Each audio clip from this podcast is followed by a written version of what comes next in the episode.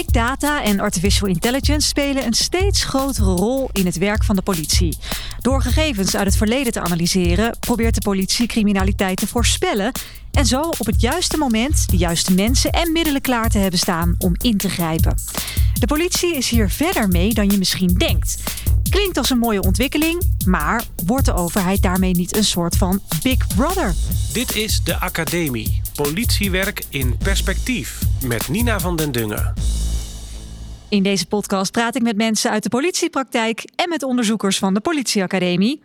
Elke eerste maandag van de maand, dan hebben we een nieuwe aflevering voor je. We hebben er inmiddels al ruim 15 gemaakt. Eerdere afleveringen gaan bijvoorbeeld over een mobiel DNA-lab, over het stroomstootwapen en over hoe de politie omgaat met demonstraties. Je vindt al onze afleveringen onder andere bij Spotify en natuurlijk ook bij Apple Podcasts. Vandaag gaan we het hebben over intelligence. Wat het eigenlijk is, wat de politie er op dit moment al mee doet, waar de valkuilen en de dilemma's liggen en hoe de toekomst van politiewerk eruit gaat zien als AI en big data een steeds grotere rol gaan spelen. Ik heb twee experts op dat gebied aan tafel bij mij. Anna Bachels, zij bekijkt dit onderwerp met de wetenschappelijke pet op. Ze is namelijk lector intelligence en verbonden aan de politieacademie. Anna, welkom. Dank u wel. En uh, Anne-Jan Oosterheert is er ook. Hij kijkt vanuit de praktijk naar intelligence. Hij is politieagent en dan niet zomaar één. Hij is sectorhoofd intelligence bij de politie Oost-Nederland. Anne-Jan, ook welkom. Goedemiddag. Laat ik bij jou beginnen. Uh, sectorhoofd intelligence. Jij stuurt bijna 500 mensen aan. Wat doet jouw afdeling voor de politie? Ja, nou ja, kijk, uh, ik hoor je net zeggen van uh, hij is van de praktijk. Nou, mijn collega's zullen daar heel anders naar kijken, want eigenlijk is sectorhoofd zijn van 500 mensen.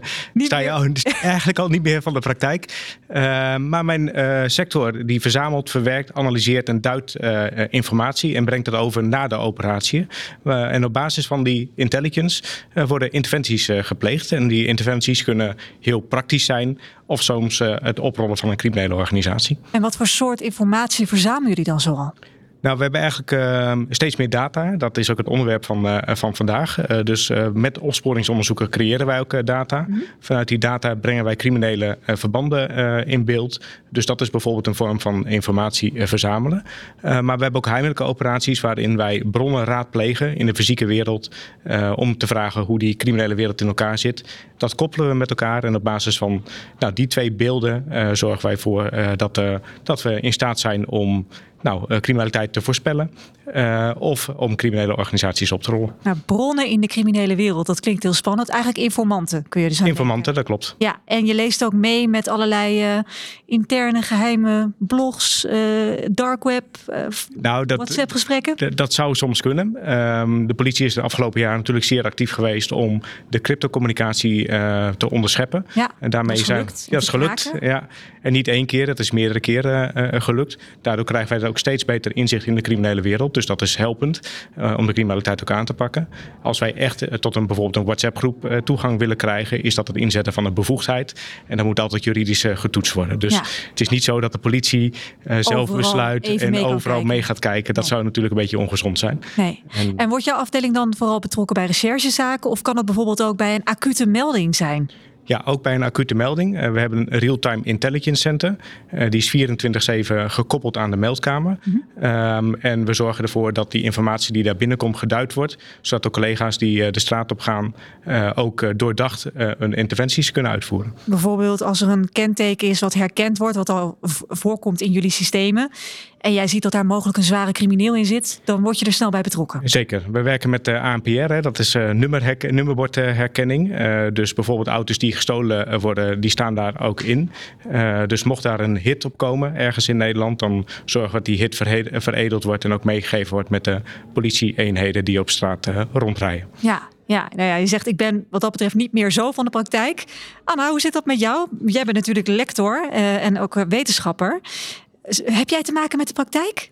Ja, zeker. Wetenschap heeft eigenlijk weinig nut als je het niet goed koppelt met de praktijk. Dus dan krijg je ook heel veel inspiratie. Maar het is ook het ultieme doel van een wetenschapper is iets te ontwikkelen, te onderzoeken, die uiteindelijk maatschappelijk effect of effect kan hebben in de praktijk. Hm. Dus ik zie de link heel erg uh, sterk. Uh, proberen we dat ook te doen, samen te lopen, indien waar mogelijk echt meelopen met onderzoeken, om zo die affiniteit, de context, het begrip groter te maken. Dat pas dan kunnen we dan vanaf wetenschap kijken welke methode, op welke manier kan je het beter benutten van al de informatie en al de situatie waar je in zit. Ja, ja dus jij weet wel degelijk wat die praktijk inhoudt. Uh, tegelijkertijd ben je de wetenschapper. Wat is jouw definitie van intelligence? Nou, ik vind dat uh, Anne-Jan heeft het heel mooi uh, geschreven met een aantal voorbeelden. Maar intelligence eigenlijk komt uh, een oude woord, komt uit het Latijn en, en betekent in zichzelf inzicht, begrip. En je wil iets beter begrijpen, zodat je dat beter kan handelen. En dat zijn de interventies waar Anne-Jan doet. Mm -hmm. dat, dat is met name intelligence, is het begrip, het, het vermogen om beter te begrijpen wat aan de hand is indien mogelijk voorspellen en vooral heel effectief en op een duurzame manier handelen. En kan je het dan gebruiken om, nou, misschien wel al van tevoren inzicht te krijgen waar iets misgaat of waar criminaliteit gaat plaatsvinden? Een beetje voorspellend. Ja, ja dat is een beetje de. Voor iedereen altijd uh, vooral refereren aan intelligence, is dat als je heel veel gegevens van het verleden kan analyseren, dan kan je bepaalde patronen zien en dan kan je het ook uh, het idee hebben waar opnieuw dezelfde type criminaliteit gaat plaatsvinden. Dat is wat we noemen predictive policing. Je kijkt naar het verleden, je krijgt inspiratie uit het verleden om dan een voorspelling te doen waar het kan plaatsvinden. Dat is zeker een onderdeel van intelligence. Ja. Hoe kom je aan goede intelligence? In mijn beleving, aan goede intelligent is net als een uh, goede recept voor een goede maaltijd. Je moet goede ingrediënten hebben. Dus dat is de data, de gegevens. Die moeten van hoge kwaliteit zijn en betrouwbaar zijn. Daarna moet je ook een goede methode hebben om die gegevens te verzamelen, te duiden, te, bij elkaar te, te, combineren. Dus dat is een beetje het recept, de methode erbij. Mhm. En daarna moet je het ook goed presenteren. En het presenteren is zo de intelligence in zo'n vorm geven dat het dan iemand anders het snapt ja. en het gelijk kan handelen. Ja. Tot eigenlijk intelligence die alleen in een rapport of in een eh, PowerPointje zit en dat niemand mee iets doet, daar heb je niks aan. Nee. Dus het is echt in de intelligence definitie zit ook heel meer en meer. The actionable. Het feit dat je iets krijgt die jouw handvatten heeft om te handelen. En dat je snapt ook de gevolgen van wat je misschien gaat doen. Of de mogelijke gevolgen van wat je misschien ja. gaat doen. Ja. Het klinkt eigenlijk heel logisch zoals jij het zegt. Maar ja. Anne-Jan, is het ook zo makkelijk?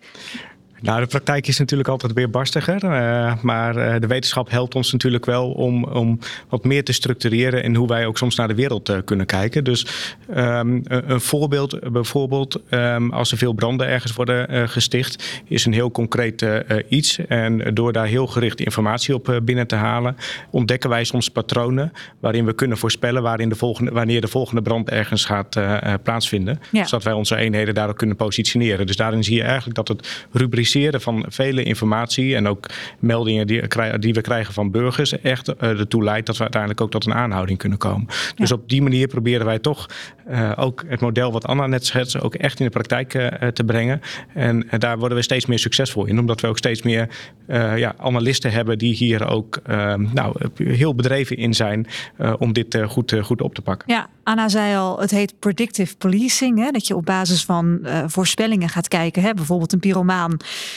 Waar is een logisch gevolg waar die nu een brand zou kunnen stichten? Maar jullie doen dit ook heel succesvol met woninginbraken, toch?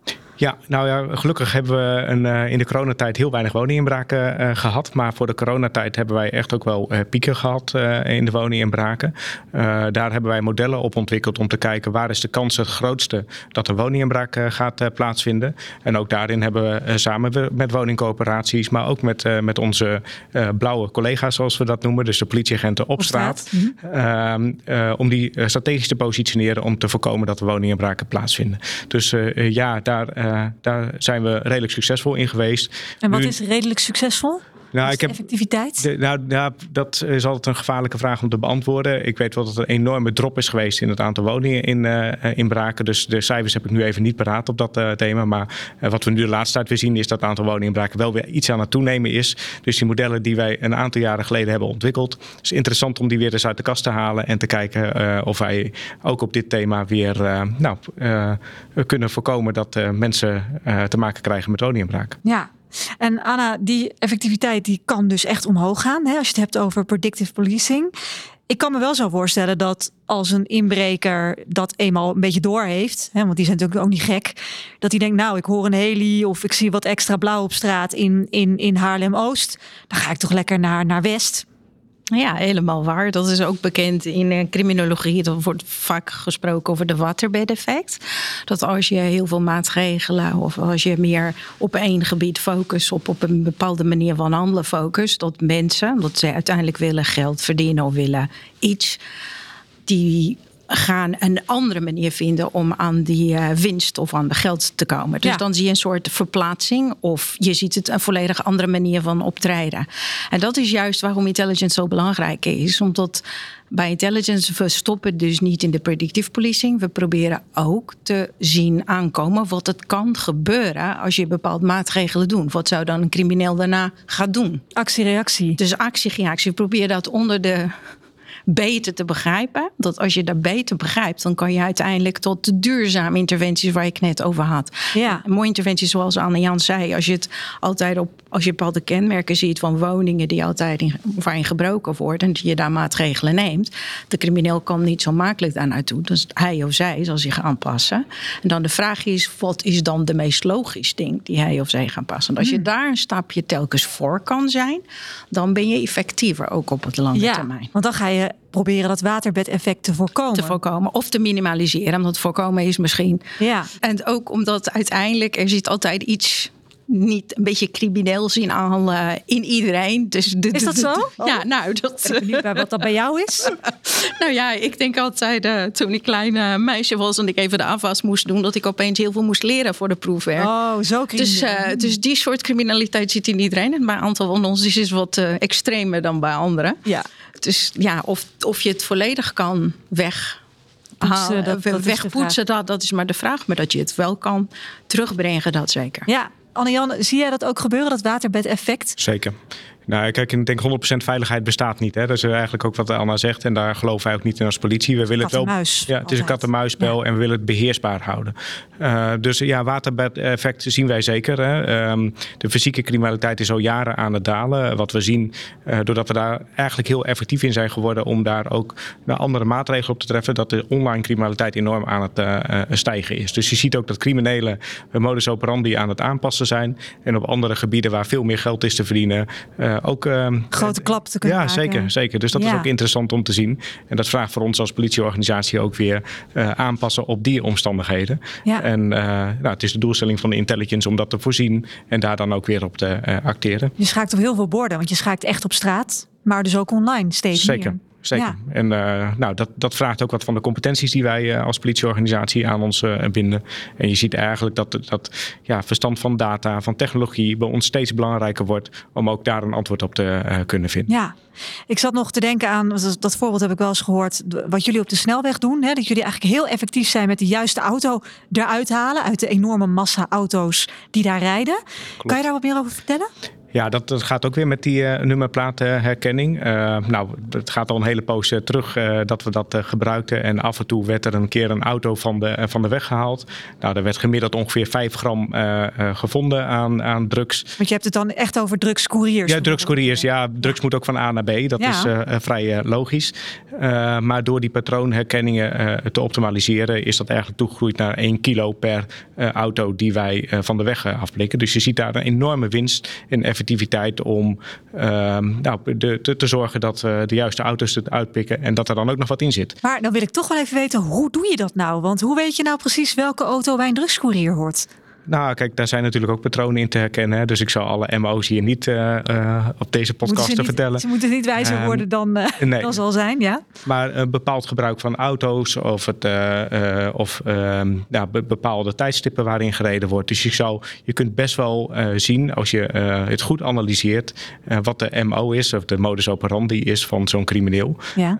En daardoor zijn wij in staat om dat goed in onze ANPR te zetten, om daar ook de hits op te creëren. Ja, en sindsdien ja, is de vangst dus zeker ook van drugs echt veel groter Zeker, geworden. ja. Hoe, hoe vaak hebben jullie raak als je de, de auto van de weg haalt? Nou, als we willen, hebben we 100% raak.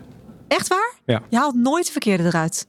Eh, als we willen. Kijk, eh, het is, eh, kijk als we dit, deze modellen erg goed inzetten. Maar er zijn altijd andere meldingen, prio 1 meldingen die er tussendoor lopen. Dus we hebben, kunnen niet altijd 100% op die snelweg aanwezig zijn. Maar als wij echt eh, ehm, eh, dedicated hierop in zouden zetten, zouden wij, nou, wel 100% misschien net iets te veel. Maar zo'n 90 tot 100% eh, eh, kunnen wij een hit eh, hebben. Dat is echt een monsterscore, Anna. Ja, maar ik wil er nog even eventjes teruggaan naar iets wat Anne-Jan zei. Is dat je vroeg, hoe kan je nou weten dat de auto iets heeft? Wij kunnen best veel ver, uh, verhullen, maar gedrag is iets heel moeilijks. Want gedrag is iets die je blijft doen. Dit zit in jou ingebakken, zit misschien in jouw DNA of gewoon jarenlang. Dus als je bepaald gedrag toont, de gedrag komt dan weer terug. En dat is met name wat je dan gebruikt om iets meer in de sfeer van predictive te zien. Ja. Dus dat is met name waar we focussen op gedrag en dat zijn de patronen. Ja. Dat, dat is inherent aan mens. Ja.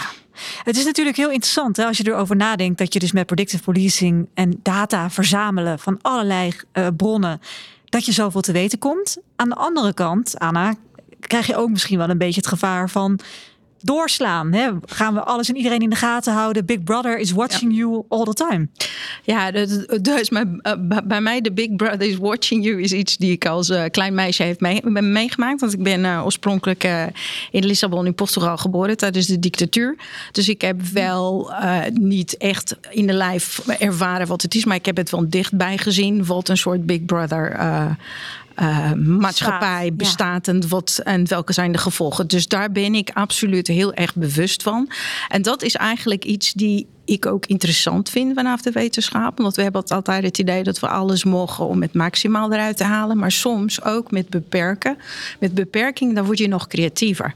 Dat zet nog jou meer aan het denken. En jouw creativiteit komt nog omhoog. Dus vanaf een wetenschappelijk uh, uh, perspectief is best eh, het feit dat we allemaal wetgeving en dat niet alles zomaar gecombineerd kan worden, brengt wel uh, soms belemmeringen in de praktijk. Maar aan die andere kant zet je ook de grenzen, maak je dat eigenlijk wat de politie doet uh, ethisch en verantwoorden is. Ja, ja, precies. Dus we slaan er nog niet in door, zeg je. Maar die grens moet je altijd wel bewaken. Ja. Is de politie zich altijd goed bewust van de gevolgen? Ja, ja je, je, je ziet het meer en meer. We hebben ook de ethisch kader voor de politie. We hebben ook uh, richtlijnen om om te gaan met wild data. Zodat men, als je bezig bent om inderdaad verschillende data bij elkaar te, te brengen... dat je het weet, heb ik dat echt nodig? Uh, waarom? Dus daar wordt het echt heel veel geïnvesteerd om dit uh, goed uh, aan de man te brengen. Ja, net dat voorbeeld van Anne-Jan over die auto's, die drugsvangst mm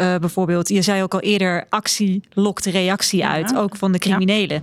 Um, dat hebben we bijvoorbeeld gezien bij de productie van synthetische drugs. Natuurlijk ook een, een criminele mm -hmm. bezigheid, toch? Ja, ja, ja, ja. Wat zagen we toen gebeuren? Nou, in, die, in eerste instantie, dat uh, is nog ietsje ouder onderzoek van een paar jaar terug. Maar wat we zagen dat toen ecstasy of, of synthetisch drugs zo uh, populair werden, dan een van de maatregelen die wij genomen hebben om uh, synthetisch drugs te maken, heb je bepaalde ingrediënten nodig. Mm -hmm precursoren heette dan. Ja, grondstoffen. En, grondstoffen. Ja. En uh, die werden vaak geïmporteerd uh, uit andere landen. Dus een van de logische maatregelen is natuurlijk verbied de import van zoiets. Wat je zag wel in het begin, is wetenschappelijk onderzoek die dat laten zien, is dat die productie daalde voor een poosje. Maar natuurlijk, ecstasy of spilletjes verkopen is best een winst. Uh, winstgevende eh, eh, bezigheid. winstgevende ja. bezigheid. Dus men ging natuurlijk alternatieven vinden om dat te doen. Of smokkelen van de producten, of zelf het produceren ja. van, die, uh, van die ingrediënten, van de grondstoffen. En daar zit het ook één ding waar intelligence nu, of meer de, de intelligence die echt vooruitkijken, belangrijk is.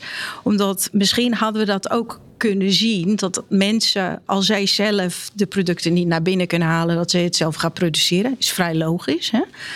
Maar de productie van die uh, ingrediënten van de grondstoffen, dat brengt met zich mee best veel milieuschade ook. Omdat je krijgt nog meer stoffen, meer afval. Ja, en je kreeg, ze gingen het allemaal dumpen. Volgens mij, met name in Brabant werd ja, alles gedumpt. Ja, ja, ja, dus dat is ook een even effect van. Maar, en dat is met name waarom intelligence belangrijk is. Is dat je voordat je kan meer ondersteuning krijgen voor welke interventie of welke handelingen ga ik doen. En wat zou dan de mogelijke gevolgen hiervan? Ja. En dan kan je meer bewust keuze maken van wat ja. je het wil. Want dit was duidelijk een gevolg dat we absoluut niet wilden. Misschien zagen we het wel aankomen, maar niet in deze mate. Nou ja, ik denk dat in, in de tijd men, en dat is wel ook iets intrinsieks, men wil heel vaak gelijk een, een, een reactie doen op iets. Men wil gelijk interveneren. En soms is het goed. Dat is mijn appel als wetenschapper. Dat is misschien Andy niet met mij altijd eens. Maar dat is mijn appel als wetenschapper. Goed kijken, wat is er aan de hand? En goed bestuderen voordat uiteindelijk iets gaan uitrollen qua interventie. Ja. In plaats om gelijk overzien niet, we gaan gelijk slaan. Of we gaan gelijk verbieden. Of we gaan gelijk uh, grenzen. Ja, dat is wel je, je natuurlijk de, de logische reactie die je wil geven. Je wil zorgen, je wil criminaliteit voorkomen, maar je kan het eigenlijk erger maken, is wat je zegt. Ja, in, in principe je kan het een beetje erger maken. Maar dat is, is net zoals je bijvoorbeeld je bent ziek of je hebt een, uh, een bacteriële infectie. Je krijgt zo'n uh, antibiotica kuurtje. Je neemt ook het antibiotica kuurtje tot het eind. Dus dat is ook iets die ook als wij een maatregelen nemen, dat wij consistent moeten blijven. En dat langdurig blijven om zeker te zijn dat het weg is. Dus die consistentie is heel erg belangrijk ook. Ja, en Anne-Jan, in dit kader is het ook wel een interessant voorbeeld. Bijvoorbeeld met de pinautomaten, de plofkraken. Hè? Daar werd een, werd een pinautomaat werd opgeblazen. En uh, uiteindelijk gingen we die pinautomaten versterken. Dat was een logisch wat, wat de banken doen, wat de verzekeraars willen. Om te voorkomen dat die uh, kapot uh, worden gemaakt. En toen gingen de criminelen zwaardere explosieven gebruiken. Zo zwaar dat er enorme schade ook aan het complete gebouw kan komen. Waar soms ook mensen in wonen. Is dat iets waar, waar de politie zich bewust van was van tevoren? Nou, eh, dat is natuurlijk nooit de intentie. Nee. Dus de intentie is om het uh, preventief maatregelen uit te voeren. En wat daarnaast gebeurde, uh, met die, al die criminelen gingen naar Duitsland toe. En die nog, blazen ja. daar ook nog de boel op.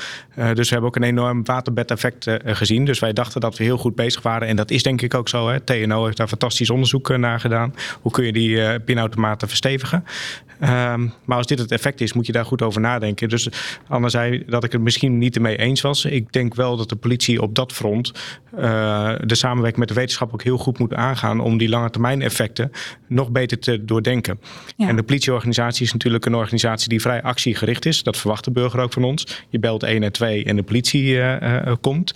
Uh, voor dit soort ingewikkelde en complexe vraagstukken is het ook soms belangrijk om iets aan reflectie in te bouwen of de maatregelen die je neemt, bijvoorbeeld bij deze pinautomaten, ook de meest effectieve maatregel is. Dus ja, um, dus ja ik herken dat wel. En uh, daar hebben wij als organisatie denk ik ook nog wat te leren. Ja. Even terug naar de datasets die worden gebruikt hè, om goede intelligence te kunnen vergaren. Uh, Anna, we horen heel veel over AI, we horen heel veel over nou ja, zaken, tools zoals ChatGPT. Um, wat is nou het verschil tussen AI en nieuwe technieken als ChatGPT en, en intelligence? Um, even kijken of ik. Uh, AI is natuurlijk kunstmatige intelligentie. En dat is gewoon heel slimme algoritmes die ook de, de vermogen hebben om te leren. Mm -hmm. Dus net zoals uh, een mens leert ook door ervaring. Een AI-algoritme leert ook door eerder gebruik. Dus je, gaat ervan leren. ChatGTP is met name iets in AI die gericht is op uh, communicatie, dus op taal. Dus dat is iets die kan een beetje nabotsen. Wat zou een antwoord en, en de vermogen die mensen hebben om stukken te schrijven. Voor intelligent is met name AI is heel erg belangrijk. Vooral voor het handelen uh, van heel grote datasets. Ja. Als het dataset zo groot is, dan kan je niet als mens, als mens da, dan uh... kan je niet doorheen gaan. Ja. We weten ook hoe goed AI is voor het herkennen van patronen, maar ook bijvoorbeeld beelden. Dat als je heel veel beelden hebt en je moet tussen al die beelden zien, zie ik nou afwijken. En als mens werkt het niet. Nee. We, we, zien dat al heel goed werken in de, in de medische wereld. Hè? Dat, dat, met AI kan je wel uh, bijvoorbeeld bepaalde ziekten zien of botbreuk en zo. Daar is hij heel erg goed in. Dus die soort patronenherkenning, uh, het mogelijkheid, het vermogen om heel veel datasets te verwerken, te analyseren en te duiden, dat is absoluut iets belangrijk voor, uh, voor, voor intelligence. Ja.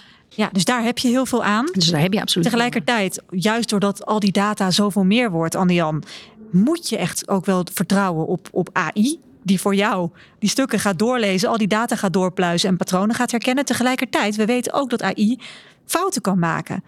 Uh, iedereen kent denk ik wel het voorbeeld van uh, bijvoorbeeld gezichtsherkenningssoftware. Dat witte mensen heel goed herkenden, maar eigenlijk steeds een mist inging bij mensen van kleur. Ben jij, je, ben jij je daar bewust van? En, en mensen op jouw afdeling, dat AI dus ook totaal mis kan gaan? Ja, ja, zeker. Um, kijk, um, een van de belangrijkste uitgangspunten voor ons is dat het uh, niet alleen juridisch klopt, maar dat het ook ethisch klopt wat wij doen. Um, en dat trainen wij onze mensen ook, omdat we heel goed begrijpen dat AI ook heel gevaarlijk uh, kan mogelijk kan zijn. Mm -hmm. We zetten nu vooral AI in op, op relatief eenvoudige processen. Een mooi voorbeeld is bijvoorbeeld bij de cold cases. Cold cases zijn uh, um, nou, uh, moordzaken bijvoorbeeld. Die nooit opgelost die zijn. Nooit opgelost zijn. Ja. Um, wat we daar doen is dat we die oude dossiers inlezen. Daar entiteiten, dus stukjes data uithalen, die inmiddels met forensisch onderzoek heel goed zijn onderzoeken. Dat is een relatief veilig proces om, om vorm te geven en niemand kan daarop tegen zijn. dus we toetsen dat ethisch en daar zegt dan ook ehm, de experts zeggen daarvan, dit is gewoon veilig te doen voor de Nederland BV. Ja, maar ja, dan kan het natuurlijk niet bij blijven. Ik kan me voorstellen dat je AI ook juist op de actuele zaken wil inzetten. Ja, zeker. Maar dit vraagt nog wel een enorme ja, goede discussie, ook met de wetenschap, van wat is moreel en ethisch uh, verantwoord. Ja, en daar zijn we stap voor stap mee bezig. Daar hebben we ook samenwerkingsverbanden bij met de universiteiten om dit vraagstuk verder uit te rafelen. En tot die tijd zijn we toch ook wel ehm, nou, redelijk voorzichtig in het toepassen van, van AI. Ja, dus dat wordt eigenlijk nog weinig gebruikt op jouw afdeling in het doorpluizen van data. Nou, wat we wel doen is entiteiten uit de data halen. Hè? Bijvoorbeeld uh, uh, personen, uh, of een locatie of een IP-nummer. Dus, dus dat, daar is AI heel goed uh, op uh, toepasbaar om ook onze analyses beter te maken. Maar geautomatiseerd besluiten nemen, dat willen we ook niet als overheid. En daar zet de wetenschappelijke raad van de regeringsbeleid zegt erin, pas daarmee op. er moet altijd een menselijke factor tussen zitten om die beoordeling te doen. En daar zijn we wel heel alert op. Ja, maar goed, dat is ook dat, dat de mens dan een besluit uiteindelijk neemt. Dat doet hij misschien, Anna, wel op basis van verkeerde informatie door AI. Ja, maar, weet je, de discussie gaat nu heel veel over AI. Ik wil het nog een beetje terugtrekken, omdat elke model of elke algoritme, dat heeft precies ditzelfde gevaar. dus als je iets daar is gewoon een gevaar. Er is gewoon een uh, gevaar dat jij de verkeerdata hebt gebruikt. Of dat die aannames die jij in jouw model of hoe jouw model gebouwd is, niet kloppen. Dus dat klopt. Dat klopt hier ook. Uh, maar voor al andere modellen die wij ook gebruiken voor, voor besluitvorming. Maar de punt is, en dat is echt essentieel in intelligence, je moet altijd kritisch blijven kijken. En het is niet dat is precies wat Annie zei. Het is niet dat AI de analist of de persoon gaat vervangen. Het gaat ondersteuning bieden. Het is altijd aan de persoon, aan de analist, om kritisch naar te kijken. En dat is ook eigenlijk een basiswaardigheid binnen intelligence. Dat je super kritisch moet zijn. Heet het ook devil's advocaat. Dat je altijd kijkt en denkt: oké, maar zou dit wel kloppen? En dat is echt essentieel. En als je dat permanent en consistent toepast, dan zijn de gevaren, ondanks dat die er zijn, maar dan ga je, worden wel gereduceerd. Ja. En, en sowieso in de opleiding besteden we ook aandacht om aan iedereen te laten beseffen dat het gebruik van algoritmes, en dat is met name ook cognitief. Ik ben natuurlijk geen psycholoog, maar ehm, cognitief gezien, als je, in, uh, als je voor een complex probleem zit en je hebt een algoritme die iets voor jou zegt, dan ben je sneller geneigd om dat te accepteren. Ja. Dat je denkt dat is iets ingewikkelds. Daar hebben ze heel veel moeite voor gedaan. Dat zou moeten kloppen. En dat is met name de waarschuwing. Ook als dat zo is, goed naar kijken. Klopt het aannames? Klopt de data? En wat zegt het? Heb jij wel het idee, Anna, dat, dat de politie zich daar inderdaad op alle vlakken genoeg bewust van is? Ik denk dat meer en meer de politie hier bewust van is. Want wij stoppen ook, ook in de opleiding en uh, in interactie met de politie besteden we ook heel veel meer aandacht aan. Omdat door het toename van gebruik van algoritmiek en van data, dat dit wordt alleen maar belangrijker. Ja. Ja, en veel mensen zeggen ook wel eens, Anne-Jan, dat uiteindelijk toch computers over het algemeen minder fouten maken dan de mens. Ja, ja dat punt wou ik nog maken, want uh, ook in uh, kleine teams uh, kunnen ook fouten door mensen worden gemaakt. Ja. Dus, dus algoritmes kunnen ook helpen om een team te reflecteren of ze de juiste besluiten hebben genomen. Dus, en wij zien inderdaad dat analyses die soms door modellen worden gemaakt beter zijn dan analyses die door mensen zijn gemaakt. Dus er zit niet alleen iets negatiefs aan, alleen ja, het is wel opletten. En het is en balances. Checks en balances moeten echt op orde zijn. Ja. En uh, daarom besteden we daar ook heel veel tijd en aandacht aan om dat uh, samen met de wetenschap te ontdekken. En dan, uh, wat voor checks en balances is er bij jou op de afdeling bijvoorbeeld logisch? Nou, kijk, we, we hebben natuurlijk moreel-ethische tafels, hè, waar we vraagstukken ook kunnen laten toetsen vanuit verschillende perspectieven. dus die zijn inmiddels nationaal georganiseerd. Dus heb je een dilemma als persoon of als analist, dan kun je die daar adresseren. En dan kijken meerdere personen mee vanuit al die perspectieven of wat Ehm, wat dat model uh, beoogt, of dat uh, aanvaardbaar is, ja of nee. Dus dat is een hele belangrijke check. Ja. Mhm. En, en het andere uh, wat we natuurlijk hebben georganiseerd, is dat nou, in elke opleiding wordt geleerd van Um, vraag je collega uh, of wat je doet uh, oké okay is. Uh, vier ogen. Vier ogen principe en soms zes ogen principe. Ja. Anna, is dit voldoende, denk je? Deze checks en balances, redden we het daarmee? Ik denk dat het vanaf de praktijk dat is wat het nu gedaan kan worden. En ik vind dat vooral vanaf de opleiding nog extra meer aandacht hier aan moet besteed worden. Ja. Dus dat vanaf het begin, maakt niet uit welke opleiding je doet, dat iedereen heel erg bewust is voor wat de implicaties zijn. Ja. En dat is redelijk tussen haakjes makkelijk te regelen. Maar dat is ook hier ook een. Uh, de noodzaak om consistent in Ja. alle vormen van de opleiding en te blijven herhalen. Omdat mensen zijn mensen, dus die vallen vaak in de oude valkuilen. Dus het is belangrijk om te blijven herhalen. Ja, het vraagt alleen denk ik wel veel van agenten, Anne-Jan. Als je dit er allemaal bij krijgt. Ja, nou kijk, we, maken, we hebben een aparte dienst voor de intelligence organisatie. Ik denk dat dit vraagstuk zich natuurlijk uh, met name richt op de intelligence organisatie, waar veel met deze data wordt, uh, wordt gewerkt. Er is onlangs een onderzoek uitgevoerd hoe agenten reageren op uh, beslissingen van AI. en dat was uitermate interessant, want agenten maken, ondanks dat de AI anders voorschrijft, toch ook een eigen keuze. Dus, en dat is wetenschappelijk onderzocht, dus dat vond ik heel interessant. Ben je daar blij mee? Of? Ja, ben ik eigenlijk heel blij mee. Dat, dat um, collega's toch een eigen afweging op maken. Uh, op basis van de context die uh, op dat moment in de praktijk uh, die ze ervaren. Dus, dus, ik denk dat het ontzettend belangrijk is dat we dat ook in de agentenopleiding terug blijven laten komen. Dat ondanks dat er misschien een systeem of een algoritme een keuze maakt, je wel je eigen afweging ook moet maken. En dat het ook niet erg is. Dus, nee. dus ja, ik, ik, denk dat we op weg zijn. het is nog een relatief jonge ontwikkeling in de, in de hele maatschappij. En dus ook voor de politie. Ja, en als we dan even vooruitkijken de komende vijf tot tien jaar de toekomst in, Anne-Jan, naar jouw afdeling en specifiek naar het gebruik van AI. Hoe denk jij dat, dat het werk daar dan in de toekomst voor jouw afdeling uitziet? Ja, ik denk dat wij steeds beter in staat worden uh, om criminele organisaties uh, te analyseren, te duiden. En hoe, hoe snel ook jonge aanwas bij die criminele organisaties uh, terecht gaat komen. En dat we in staat worden gesteld als maatschappij om daar eerder interventies op te doen. Maar ja, 100% veiligheid geloof ik ook niet helemaal in. Dus hoe dit zich helemaal gaat ontwikkelen, dat weet ik ook nog niet. Nee. Uh, het is uh, stap maar je denkt wel dat AI, dus eigenlijk jullie werk, ja, gaat zorgen dat het versnelt. Jullie kunnen eerder patronen zien, Zeker. eerder voorspellen, meer predictive policing. Ik ben ervan overtuigd dat dat uh, kan. Ja. Anna? Ja, nou, ik ik ben ook mee eens dat die, die ontwikkelingen wat zij in de komende vijf jaar, tien jaar, wat zij voor gaan zorgen, is dat heel veel van de handwerk die nu een analist verricht, moet verrichten dat die helemaal vervangen gaat worden. Dus het uh, automatisch uh, schoonmaken van data of data aansluiten. Dus heel veel werkzaamheden die heel veel tijd kosten voor de analysewerk, dat die geautomatiseerd worden, waardoor de analist meer tijd heeft om op de juiste manier de algoritmes te gebruiken en kritisch na te denken. Ja. Dat als je geen tijd hebt, dan heb je ook Nee. geen tijd om kritisch na te denken. Dus dat zie ik wel als een positieve uh, um, Vooruitzicht. vooruitzicht. Ja. Absoluut. Tegelijkertijd, de criminelen zijn natuurlijk ook uh, niet achterlijk. Die gaan dit soort tools ook gebruiken, Anna. Ja, ja, ja, maar daarom, uh, en daar komen we weer op, op, op wat ik zei uh, aan het begin, is het super belangrijk om altijd een stap voor te zijn. Dus wij moeten ook met wetenschap proberen beter inzicht te krijgen in wat zouden mogelijk gevolgen voor wat we nu doen, wat zouden ze wel kunnen doen? En daar zit met name de crux voor intelligence of de grootste uitdaging, is dat wij vooral meer vooruit gaan kijken en goed gaan monitoren om te zien of bepaalde ideeën of bepaalde predicties die we gedaan hebben, of, of zij daadwerkelijk gaan gebeuren.